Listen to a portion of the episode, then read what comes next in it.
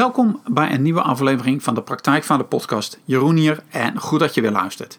Nou, in elke aflevering van deze podcast interview ik een inspirerende gast die jou verder gaat helpen bij de volgende stap in je vaderschap. Ik vraag schrijvers, coaches, wetenschappers, kunstenaars naar hun vak, hun ervaringen, hun tips en trucs over hoe jij met meer ontspanning en plezier de vader kunt zijn die je je kinderen en jezelf gunt. Deze aflevering is een beetje anders dan anders, want de rollen worden omgedraaid. In plaats van dat ik een inspirerende gast interview, werd ik zelf geïnterviewd. En dit keer door Lars Limburg en Tijmen van Beuken van de podcast Pedagogisch Verantwoord. Nou, Lars en Tijmen zijn twee jonge pedagogen die in hun podcast op zoek gaan naar de juiste manier van opvoeden en of die wel bestaat. Elke aflevering staat in het teken van een opvoedingsthema dat in de maatschappij leeft. Nou, eh, dit keer dus het vaderschap. De podcast is hartstikke leuk, geschikt voor iedereen die geïnteresseerd is in opvoeden, kinderen grootbrengen, professioneel, vader, moeder, maakt allemaal niet uit. En het leuke is dat ze uh, theorie en uh, de praktijk met elkaar vermengen. Nou, Lars en Tijmen kwamen dus langs in de Pelmolen in Beek uh, al een tijdje geleden om mij te interviewen over vaderschap, de vadertrainingen die ik geef, kinderen opvoeden wanneer je nou een goede vader bent, wat er nodig is in deze tijd, in deze huidige tijd, aan vaderschap en ouderschap en nog veel meer. Nou, het is een leuk gesprek geworden van ruim een half uur, dus dat is wat korter dan je van me gewend bent. Maar het is zeker de moeite waard om, om hier te delen en om terug te luisteren. Want het is gewoon een leuk gesprek. We hebben het over een hoop dingen en die, die jou ook ongetwijfeld weer verder gaan helpen met de boel scherp krijgen. En ik hoop dat ze je ook gaan helpen, of dat het interview je gaat helpen, bij het stellen van de juiste vragen over wie je bent, wat je te doen hebt in je vaderschap, waarom dat belangrijk is. En, um, en ga lekker luisteren. Ga lekker luisteren. Ik wens je heel veel luisterplezier. En uh, als je dit leuk vond, als je dit leuke interview uh, vond, uh, check dan ook vooral de podcast van, van Lars en Timer, Pedagogisch Verantwoord, op www.pedagogischverantwoord.nl. En onder pedagogisch verantwoord op alle podcast-apps. En um, ja, veel luisterplezier.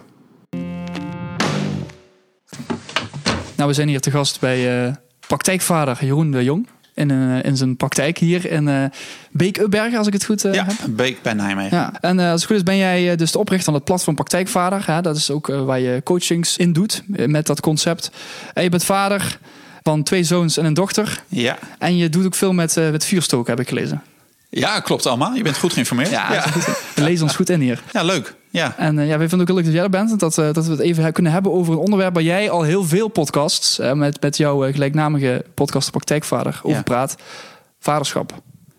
En wij willen heel graag weten um, wat nou die rol van een vader is in de tegenwoordige tijd. Want wij hebben het idee dat dat toch wel onder een vergrootglas staat, nu tegenwoordig. Nou ja, ik denk dat het is de tijd waar we nu in zitten, is dat we de afgelopen, nou ja, weet ik veel, 50 jaar zeg maar, uh, zo zijn ontwikkeld dat, dat we van mannen verwachten. En dat begon dat ze opeens, opeens mochten ze bij de bevalling aanwezig zijn in de jaren 60 of zo. En dat was daarvoor ook nog niet. Dus steeds meer zijn gaan verwachten dat die man een plek is in gaan nemen, gewoon in het gezin. Nou ja, en dat, dat komt nu, zitten we nu dan, hè, 2020, is dat we het heel normaal vinden dat je als stel een kind verwacht, dat je gewoon gaat over hebben hoe doe je dat? Hoe doe je dat samen? En dat er niet meer één plaatje is wat, waar iedereen aan voldoet, maar dat je het er gewoon daarover gaat hebben van hé, hey, we krijgen straks een kind. Nou, ik ben de vader, jij bent de moeder. Hoe gaan we dat doen met z'n tweeën? En ik denk dat, dat is uiteindelijk de kern. Los van, van alle theorieën, modellen of wensen of maatschappelijke normen, is, is de kern van hé, hey, je krijgt met z'n tweeën een kind hoe gaan we ons leven nu vormgeven? Want dat leven ziet er, als het kind geboren is, ziet het er heel anders uit. Ja, dus veel meer communicatie. Dat hoor ik dus nu al uh, in jouw verhaal. Ja, ja, dat. En dat je, en dat je daarmee erachter komt van. Um, nou, want nu, omdat er niet meer één voorbeeld is, of een juist voorbeeld is wat werkt voor ons. En um, dat je het daarover gaat hebben. En, en dat ik denk dat dat nu deze tijd is. Dat we niet meer per se hetzelfde gaan doen als onze ouders of als onze vrienden of onze buren. Want er zijn allemaal verschillende uh, gezinsvormen tegenwoordig. Hè, van, van de, de, de, gewoon gezinnen van stellen die bij elkaar zijn, samengestelde gezinnen, van alles. En alleenstaande ouders, weet je, dit is van alles. Dus het is ja. niet meer één duidelijk plaatje. Dus we moeten het zelf gaan uitvinden. Ja, maar dat is, wat- maakt het wel heel erg ingewikkeld. Want inderdaad, vroeger toen deed ik gewoon hetzelfde als wat mijn vader deed. En daar zijn we het tegenwoordig vaak niet meer mee eens met een bepaalde eh, autoritaire, misschien wel eh, visie. Niet dat mijn vader autoritair was, maar het zou kunnen. Eh, maar dat is natuurlijk wel lastig, want je hebt geen referentiekader. Dus je moet helemaal uit het niets gaan opzoeken. Dan gaan mensen boekjes lezen, dan gaan mensen misschien naar jou toe komen.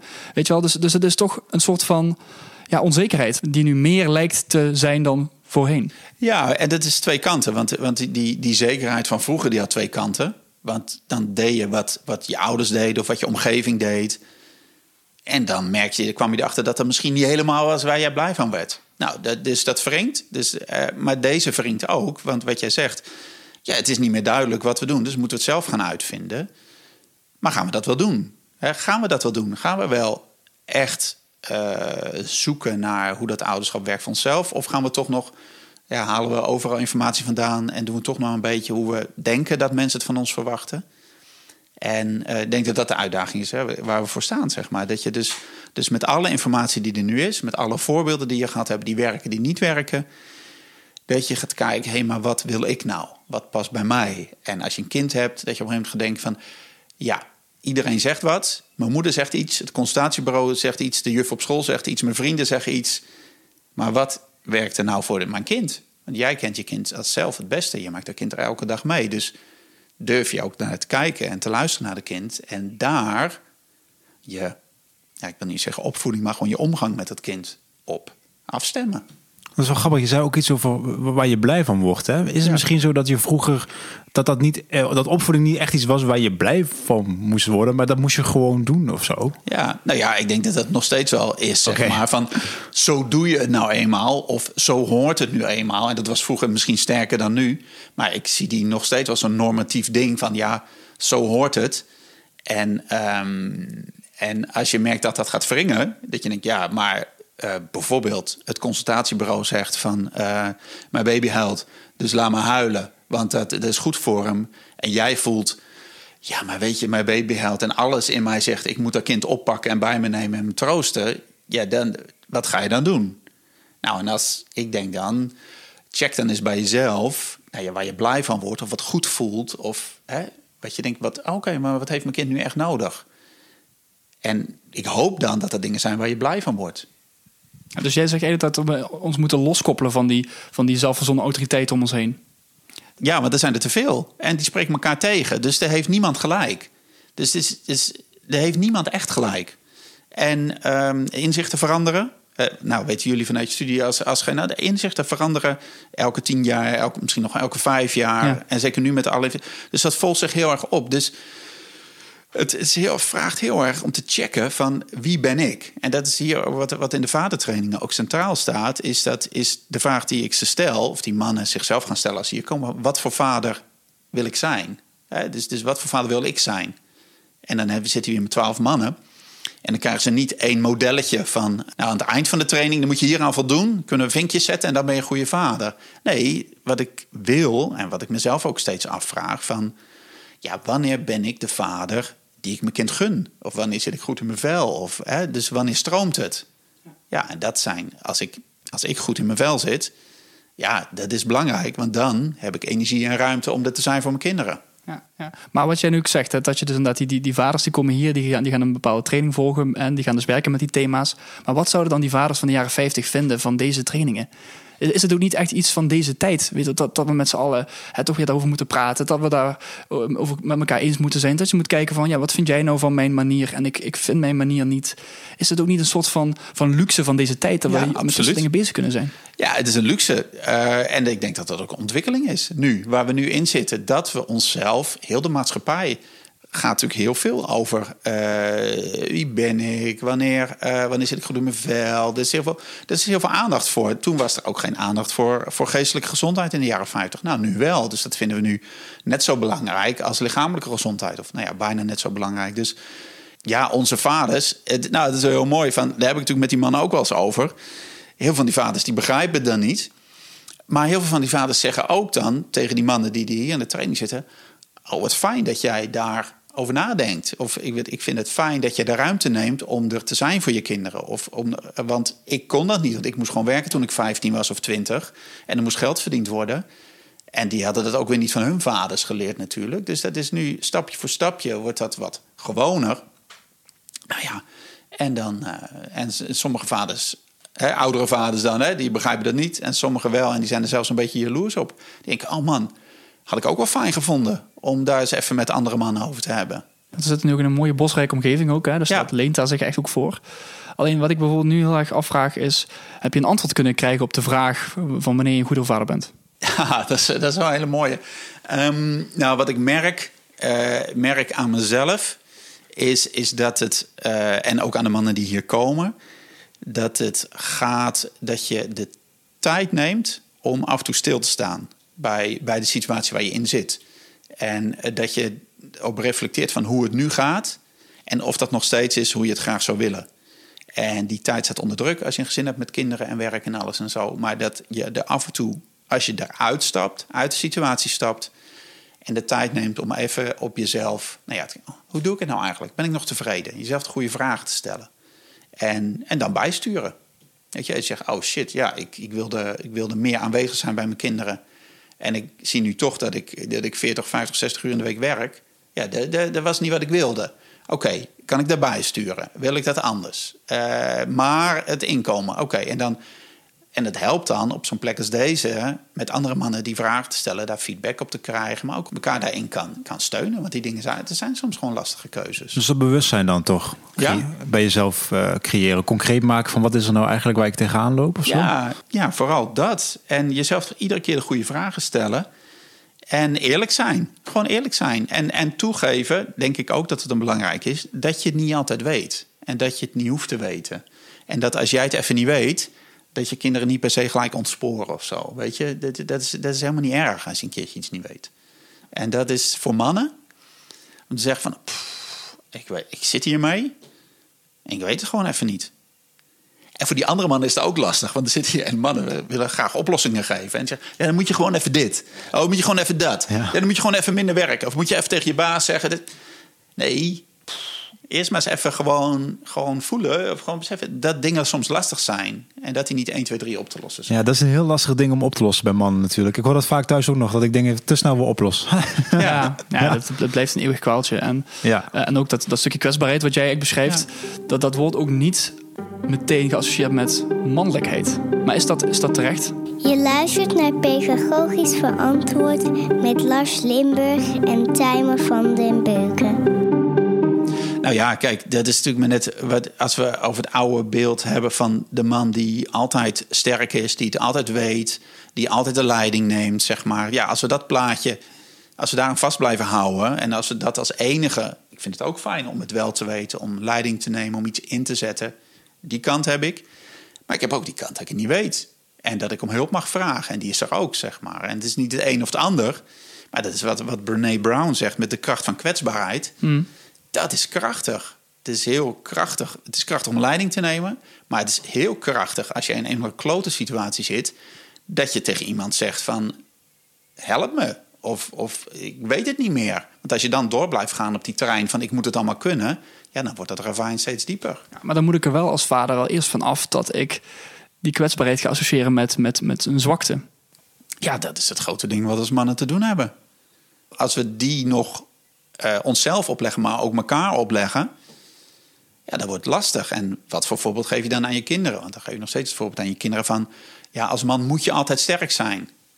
Ja, je bent niet altijd sterk. Hey Jeroen, en hoe zit dat dan bij, bij jouw training? Heb je dan niet af en toe mannen die echt heel erg zichzelf tegenkomen... en eh, ook een beetje gefrustreerd raken dan in zo'n training? Ik kan me wel voorstellen dat dan dat op komt zetten of zo. Van, eh, Ik heb een soort vadervuur, dus de basistraining. Daar gaan we echt de thema's langs die over het vaderschap gaan. Dus we hebben het ook over, over opvoeden en voorleven. Maar we hebben het ook over de relatie met je eigen ouders. De relatie met je partner, hoe je dat doet. Al die belangrijke dingen.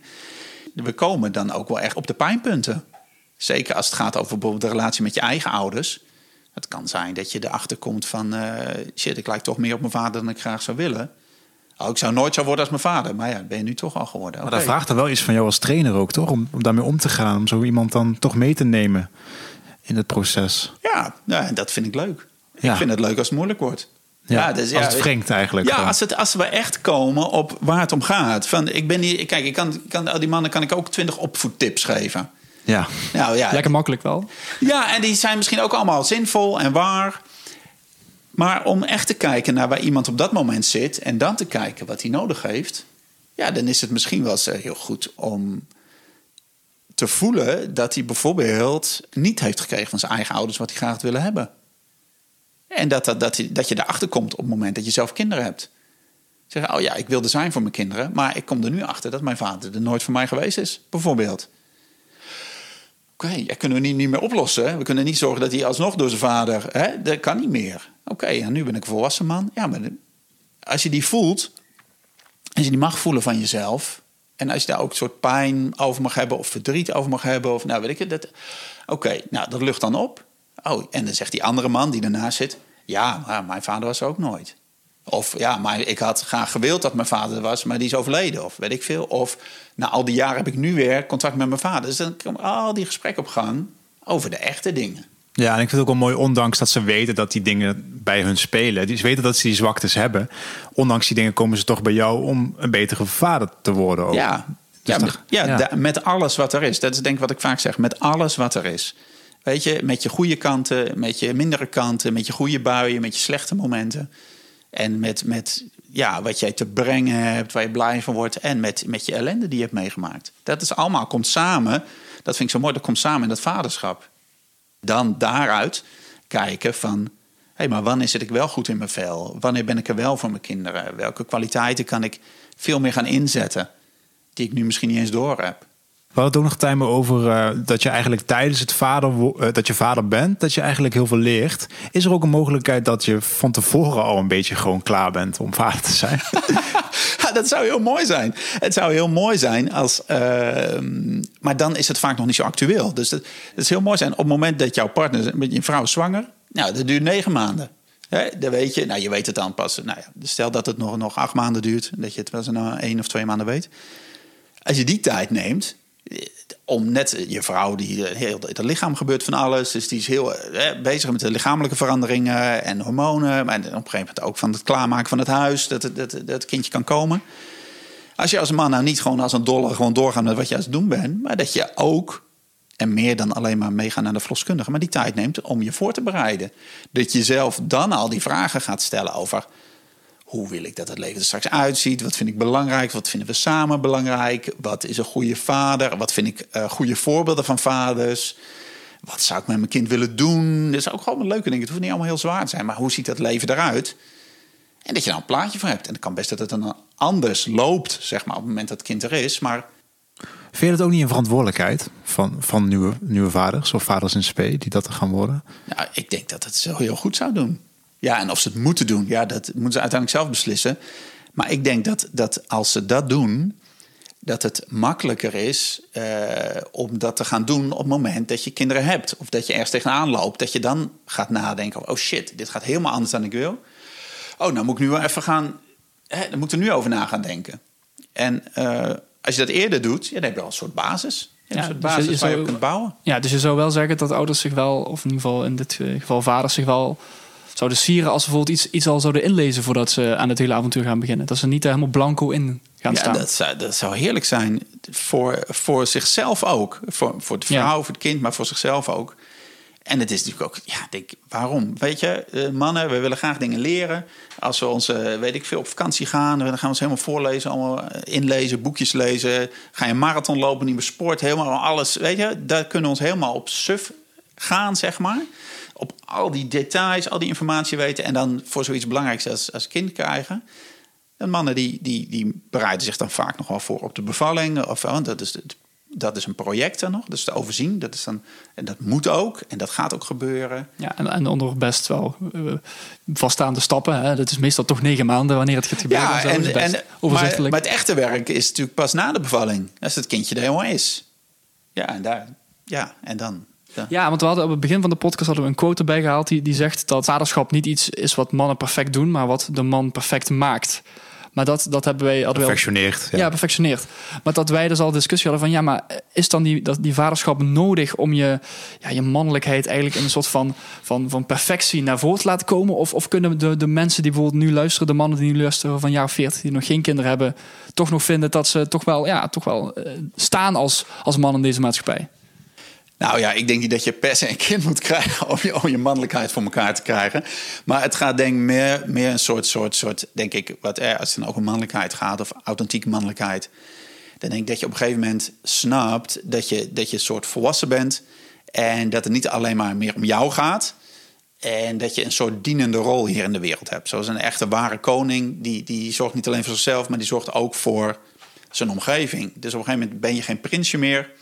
En dan krijg je verantwoordelijkheden en dan neem je die ook. En of dat nou in je werk is, of, of naar je kinderen toe, of, of in de maatschappij, zeg maar. Dan denk ik dat dat, dat dat volwassen mannelijkheid is. Dat je op een gegeven moment snapt van... hé, hey, ik heb mijn kwaliteiten, ik heb mijn kracht, die heb ik ontwikkeld. En nu ga ik die inzetten voor een groter geheel. En ja, en als je een kind krijgt, dan moet je wel. Want dan, dat kind is dat grotere geheel. Of dat is iets wat, waar je soort voor in gaat zetten en wat jou gaat overleven. Dus daar ga je je kwaliteiten en je, en je kunde en je energie ga je, daar, ga je geven aan dat kind. Ja, zodat hij uiteindelijk gewoon de deur uitgaat en, en, en verder gaat. Je luistert naar Pedagogisch Verantwoord. Er luisteren voor in deze podcast ook professionals die dan werken met, met gezinnen die gebroken zijn. Of met gezinnen waarin vaders rondlopen die niet die verantwoordelijkheid nemen. Die door allerlei problematiek gewoon niet hetgeen kunnen doen waar wij het nu allemaal over hebben. Uh, heb jij ook daar een idee over hoe we die mensen, hoe we daarmee omgaan? Want dat zijn natuurlijk wel de mensen die de maatschappij wel op een bepaalde manier wel beïnvloeden. Ik denk dat, dat je vooral mensen kunt helpen of ondersteunen die zelf een beweging voelen daar naartoe. Zeg maar, hè? Dus die zeggen, ik wil meer. Nou oké, die mannen die komen bij mij. Ik wil meer. Ik wil meer in dat vaderschap. Ja. Maar als jij iemand ziet die, die, die, die het niet redt, zeg maar, uh, of die het lastig vindt, ja, van dan zou ik zeggen: oké, maar als ik dat signaleer, dan is het ook aan mij om er iets mee te doen. Dus hoe kan ik dan mijn hand uitreiken uh, naar die man die, uh, die, die lastig zit en die niet zelf die stap kan maken? Weet je, als ik hoor van bijvoorbeeld een vriendin van mijn vrouw of zo, en die, ligt in de, die is in een scheiding. Ja, dan kan ik ook, kan ik ook die man eens een keer een appje sturen of even bellen van hé, hey, uh, waar zit jij? Is het oké okay met je of niet, zeg maar. Hè? Dus, dus dat kun je wel doen. Ja. Dat is wel een grote stap voor veel mensen, denk ik. Ja, maar ik denk dat dat ook ware volwassenheid is. Is dat je, dat je moeilijke dingen durft te doen. Dus dat je durft te doen wat het goede is, ook al is dat spannend. Ja, en dan zijn er ook mensen die zeggen van ja, de overheid die doet veel dingen. Je hebt de consultatiebureau, dan krijg je een foldertje en daar staan een paar tips in. Maar zouden we dat niet breder moeten trekken? Zouden we niet gewoon dat er een soort van algemene grote vaderschapscursus is waar iedereen naartoe kan gaan? En natuurlijk, uh, we zouden natuurlijk iedereen wel zeggen van ga maar naar, naar Jeroen. Maar uh, zou, zou dat vanuit de overheid niet iets, iets moeten komen voor jou? Ik krijg heel erg jeuken als je dat zegt. Ik krijg echt ik krijg spontaan uitslag als je dat, als je dat zegt. Vertel waarom. Nou, omdat, omdat we allemaal anders zijn. Ik bied iets aan of iemand anders biedt iets aan en daar komen mensen op die daarop aangaan, die dat leuk vinden, die die, die, die energie snappen, die die taal snappen. Dus eh, hier komen geen mannen die denken: Oh, godverdamme, moet ik een vuurtje gaan staan buiten, zeg maar. Weet je, dat is allemaal veel te, veel te ingewikkeld. Ik wil gewoon, zeg maar, drie tips en die ga ik volgen, zeg maar. Ik, uh, dus, dus iedereen heeft, um, gaat aan op iets anders. Dus daar moet ook niet één, één ding, want dat, dat, wordt, dat wordt niks. Dat wordt een soort gemeenschappelijke deler waar, ja, dat wordt een beetje futloos. Want dan moet het voor iedereen moet het gelden. En dan moet alles moet erin voorkomen. En het moet niet, uh, niet uh, hoe moet ik dat zeggen? Het moet niet uitgesproken zijn. En ik, kom maar, hoe uitgesprokener, hoe beter. Want dan kunnen we het ergens over hebben.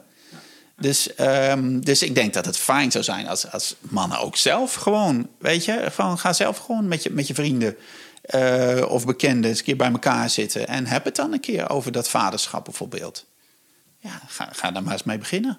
Maar dan moet je natuurlijk ook wel die omgeving hebben waar die kwetsbaarheid er mag zijn. Want er zijn natuurlijk ook genoeg van die, van die mannengroepjes die alleen maar naar voetbal kijken en die nooit over hun thuissituatie praten. En dan misschien wel tegelijk met z'n allemaal met dezelfde problemen zitten of zo. Ja, dat kan. En dat gaat pas veranderen als een van die mannen uit zo'n mannengroepje de noodzaak voelt om iets te gaan doen. En dat kan zijn dat dat gewoon zijn eigen beweging is. Het kan zijn dat dat bij veel mannen natuurlijk vaak na een crisis is. Of een scheiding, of een ontslag, of een burn-out. Dat je soort gedwongen wordt door de omstandigheden om... Ik denk, oh ja, als ik zo blijf doorgaan, dan gaat het niet goed. Dus die, die komen wel.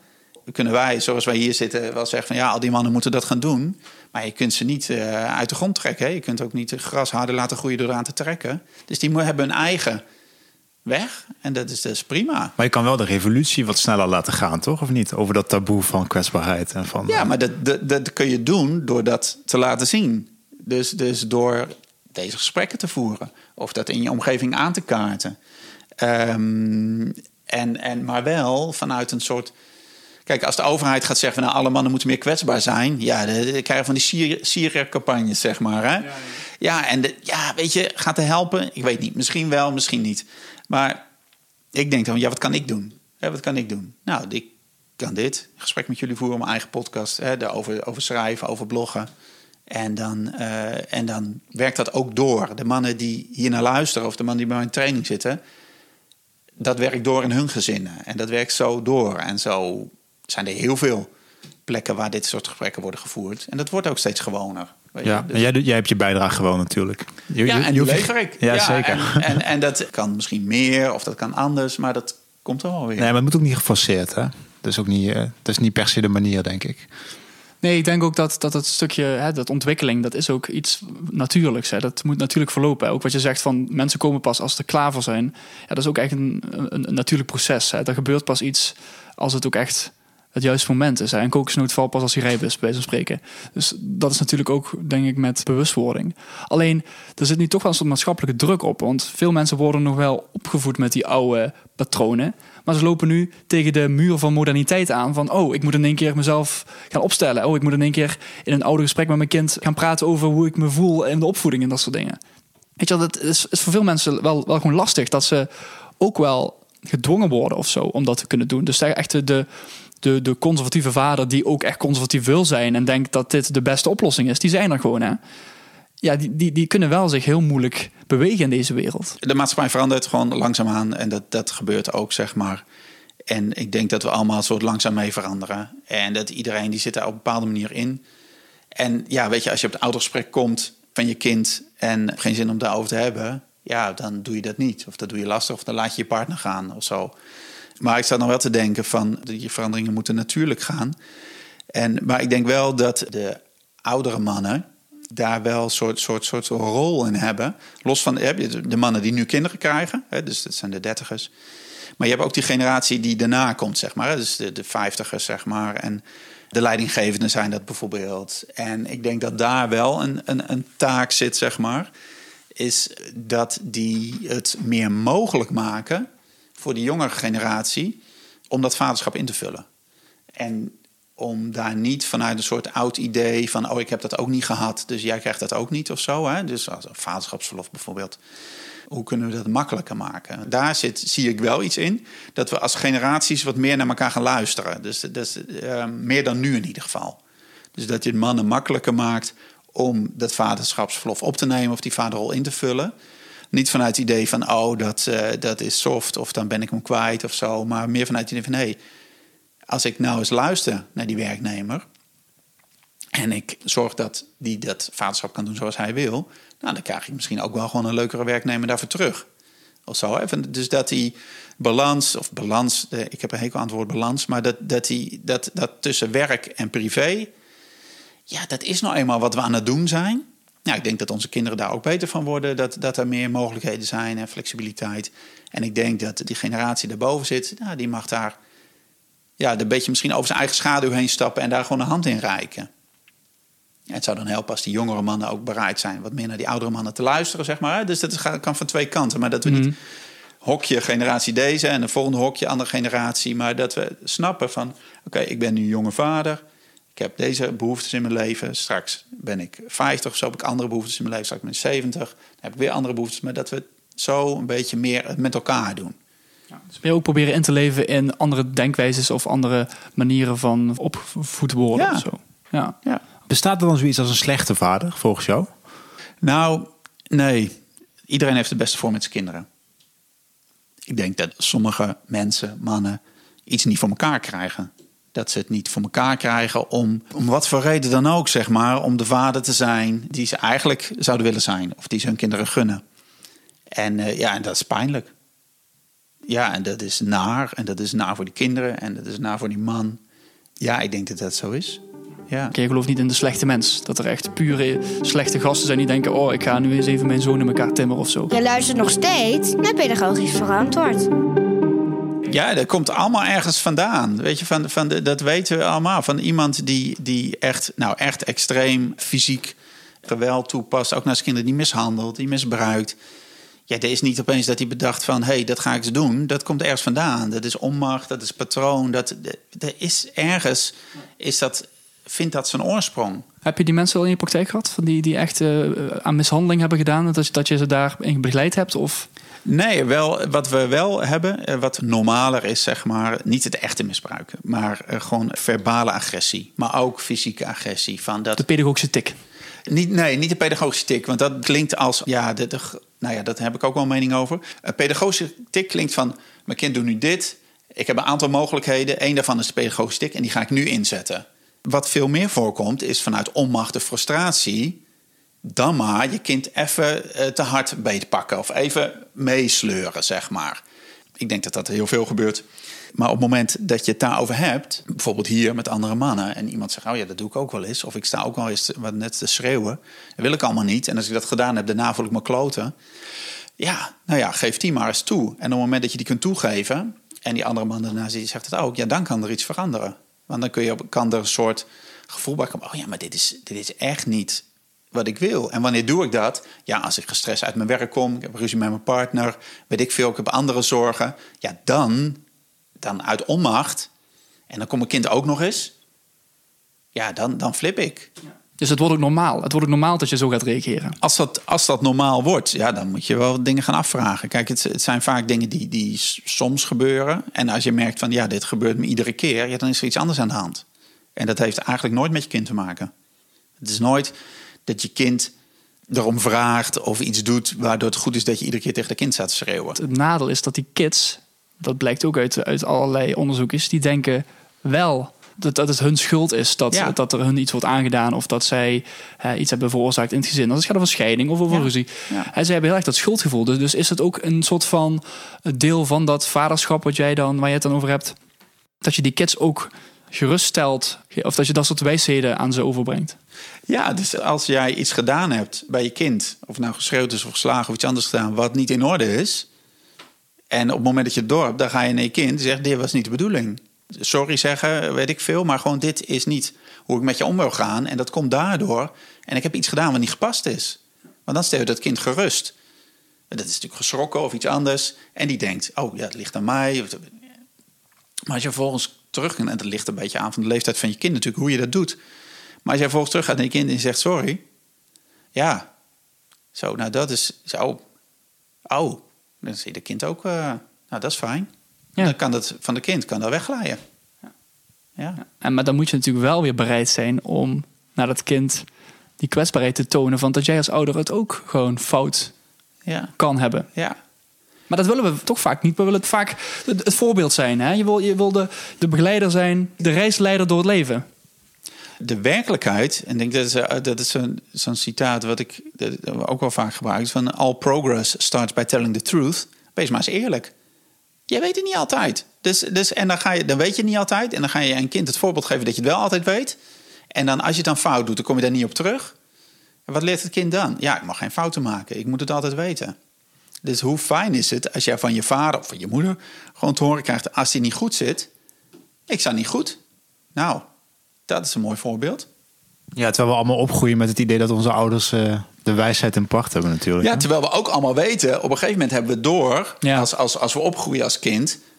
Ja, ze weten het ook niet altijd. En volgens mij komen we er ook al best vroeg achter. Of ze doen maar wat, weet je. Of dan zien ze, eh, weet ik veel, bij vrienden of buren of andere vrienden... Oh, die doen het heel anders. Oh, zo kan het blijkbaar ook. Ja, maar dat vind ik ook mooi aan jouw praktijk eigenlijk hier. Want ehm, zeker in Nederland zijn we, we zijn een beetje een bubbel allemaal. hè? We zijn allemaal een beetje achter de gordijnen aan het opvoeden. Eh, en in andere landen zie je best wel dat mensen ook eh, met heel de familie opvoeden of vrienden erbij betrekken. Of het takes a, village to raise a child. En wat bij jou gebeurt is mensen komen bij elkaar en je bent toch een soort van deel van elkaars opvoedproces. Of zo. Ja. Dat is wel heel bijzonder eigenlijk. Dus zou je dan misschien ook niet daar naartoe willen als, als visie, hè, wat jij misschien zou hebben over de wereld. Dat we meer weer terug moeten naar dat het weer normaal is om met elkaar op te voeden. In plaats van dat we Hè, eh, dat we zeggen van bemoei je met je eigen zaken als je bijvoorbeeld iets zegt over een, eh, het kind van iemand anders. Hè, want dat is nu, hè, dus jouw zaken. Dus Ja. hè, vroeger eh, toen werd mijn opa nog, eh, als hij werd gepakt ergens op het veld, werd hij nog bij wijze van spreken aan zijn oren door de buurman Ja, meegetrokken. ja. Dat, en dat kan vond je ouder dan prima. Ja, En precies. Je ouders vonden het prima. Ja, ja. En nu is dat dus natuurlijk, eh, nu kan dat natuurlijk niet, want oh, je gaat niet in bemoeien met andermans kinderen. Nou, ik denk dat het mooi is als we het niet meer over bemoeien hebben. En, en het mooie is daarvan ook als het oordeel eruit gaat. Hè? Dus dat we het gewoon een open gesprek erover kunnen hebben. Zonder dat we gelijk eh, mekaars kinderen moeten gaan corrigeren of zo. Of dat, want daar zit natuurlijk ook een oordeel in. Want weet je, je, kind, je ander kind doet iets. Ik, heb dan, ik denk dat is niet goed. Daar heb ik een oordeel over. Eh, maar dan, ja, een oordeel is een mening. En mening is de laagste vorm van kennis. Dus ga nou eens dat gesprek aan met elkaar. En op een rustige manier. Als je ruzie hebt met je vriendin, met je partner... dan, dan moet je ook niet in het heetst van de strijd... moet je, de, moet je het over gaan hebben waar het over ging. Nee, dat is fijn. Oké, op een rustig moment... Waar, waar, waar hebben we het nou over? Wat is hier nou echt aan de hand? En dat eh, kun je ook met een andere vader doen. Ja, Jeroen, even tot slot. Eh, Kijk, La- Lars en ik, die, die zitten hier natuurlijk vanuit, vanuit, die, eh, vanuit die pedagogische opleidingen, en vanuit de filosofie inderdaad. Ja goed, wij zijn natuurlijk ook jong en wij zullen misschien ook wel ooit vader worden. Wat is nou een tip voor ons die wij gewoon echt mee moeten nemen eh, naar die toekomst? Zo, zo, dan leg je een hele grote Druk. last eh, op mijn schouders. Voel hem. En we gaan jou de hele tijd op, eh, op terugpakken als het niet, eh, niet werkt. Nee, maar ik ben wel benieuwd van, van wat- zou je nou zeggen aan de toekomstige vader? Van, let hierop en val niet in deze, deze ik, kuil. Ik zou, wat ik zou aanraden, zeggen nu al, is... Ken jezelf. Dat als eerste, zeg maar. Dus leer jezelf gewoon kennen, nu al. Weet, weet wat, je, wat je leuk vindt. Weet wat je blij van wordt. Weet waar je, ja, echt waar je, waar je gewoon echt... Kom er ook achter wat je ter wereld te bieden hebt. Wat wil jij? En op het moment dat je met je partner inderdaad echt eh, dan zoiets hebt van... nou, er mag wel een kindje komen in onze relatie.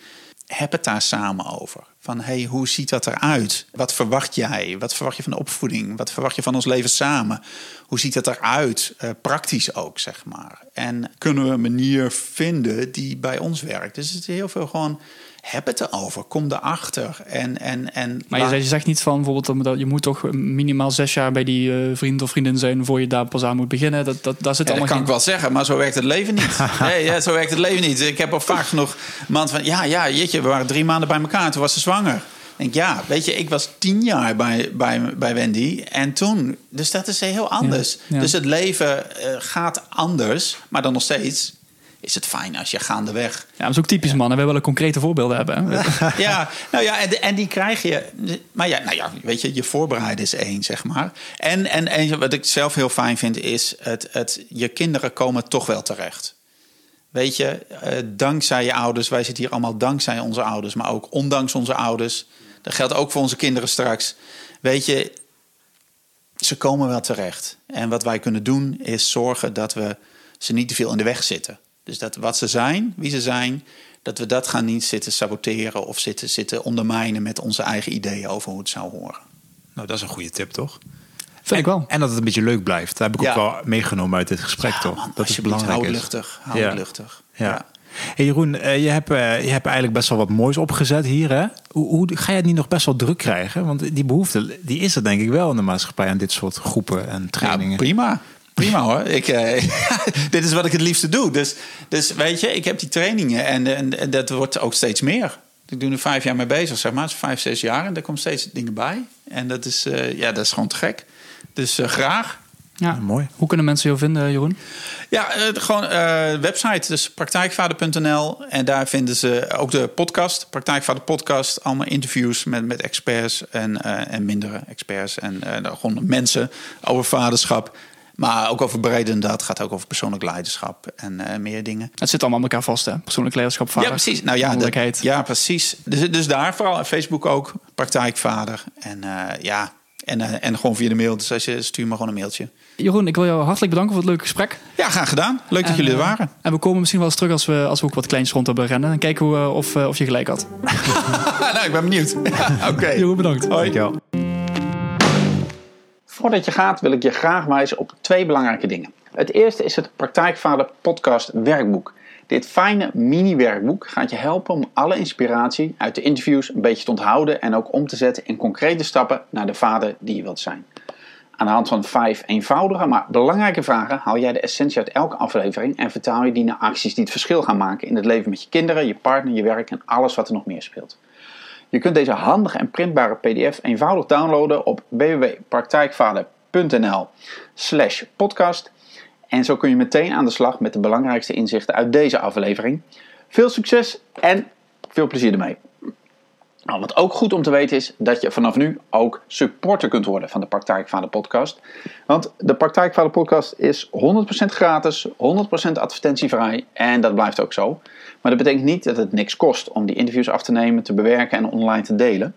En om investeringen in apparatuur, software, hosting, reiskosten, andere dingen te dekken, zijn bijdragen van luisteraars meer dan welkom.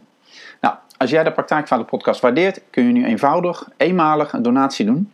Je laat op die manier je waardering blijken voor de inspiratie die je via de podcast krijgt. En je levert een bijdrage aan een uniek platform met waardevolle gesprekken over betrokken, authentiek en buiten de kaders vaderschap. Je helpt mij om de kwaliteit van de podcast te verhogen en de inspirerende interviews te verspreiden naar nog meer vaders. Nou, op www.praktijkvader.nl slash podcast kun je eenvoudig je donatie van 10, 25, 50 euro doen. Of je bepaalt natuurlijk gewoon zelf de hoogte van je donatie, want dat kan natuurlijk ook. Nou, alvast ontzettend bedankt en heb het goed. En ik zie je, ik hoor je bij de volgende podcast. Oké, doeg!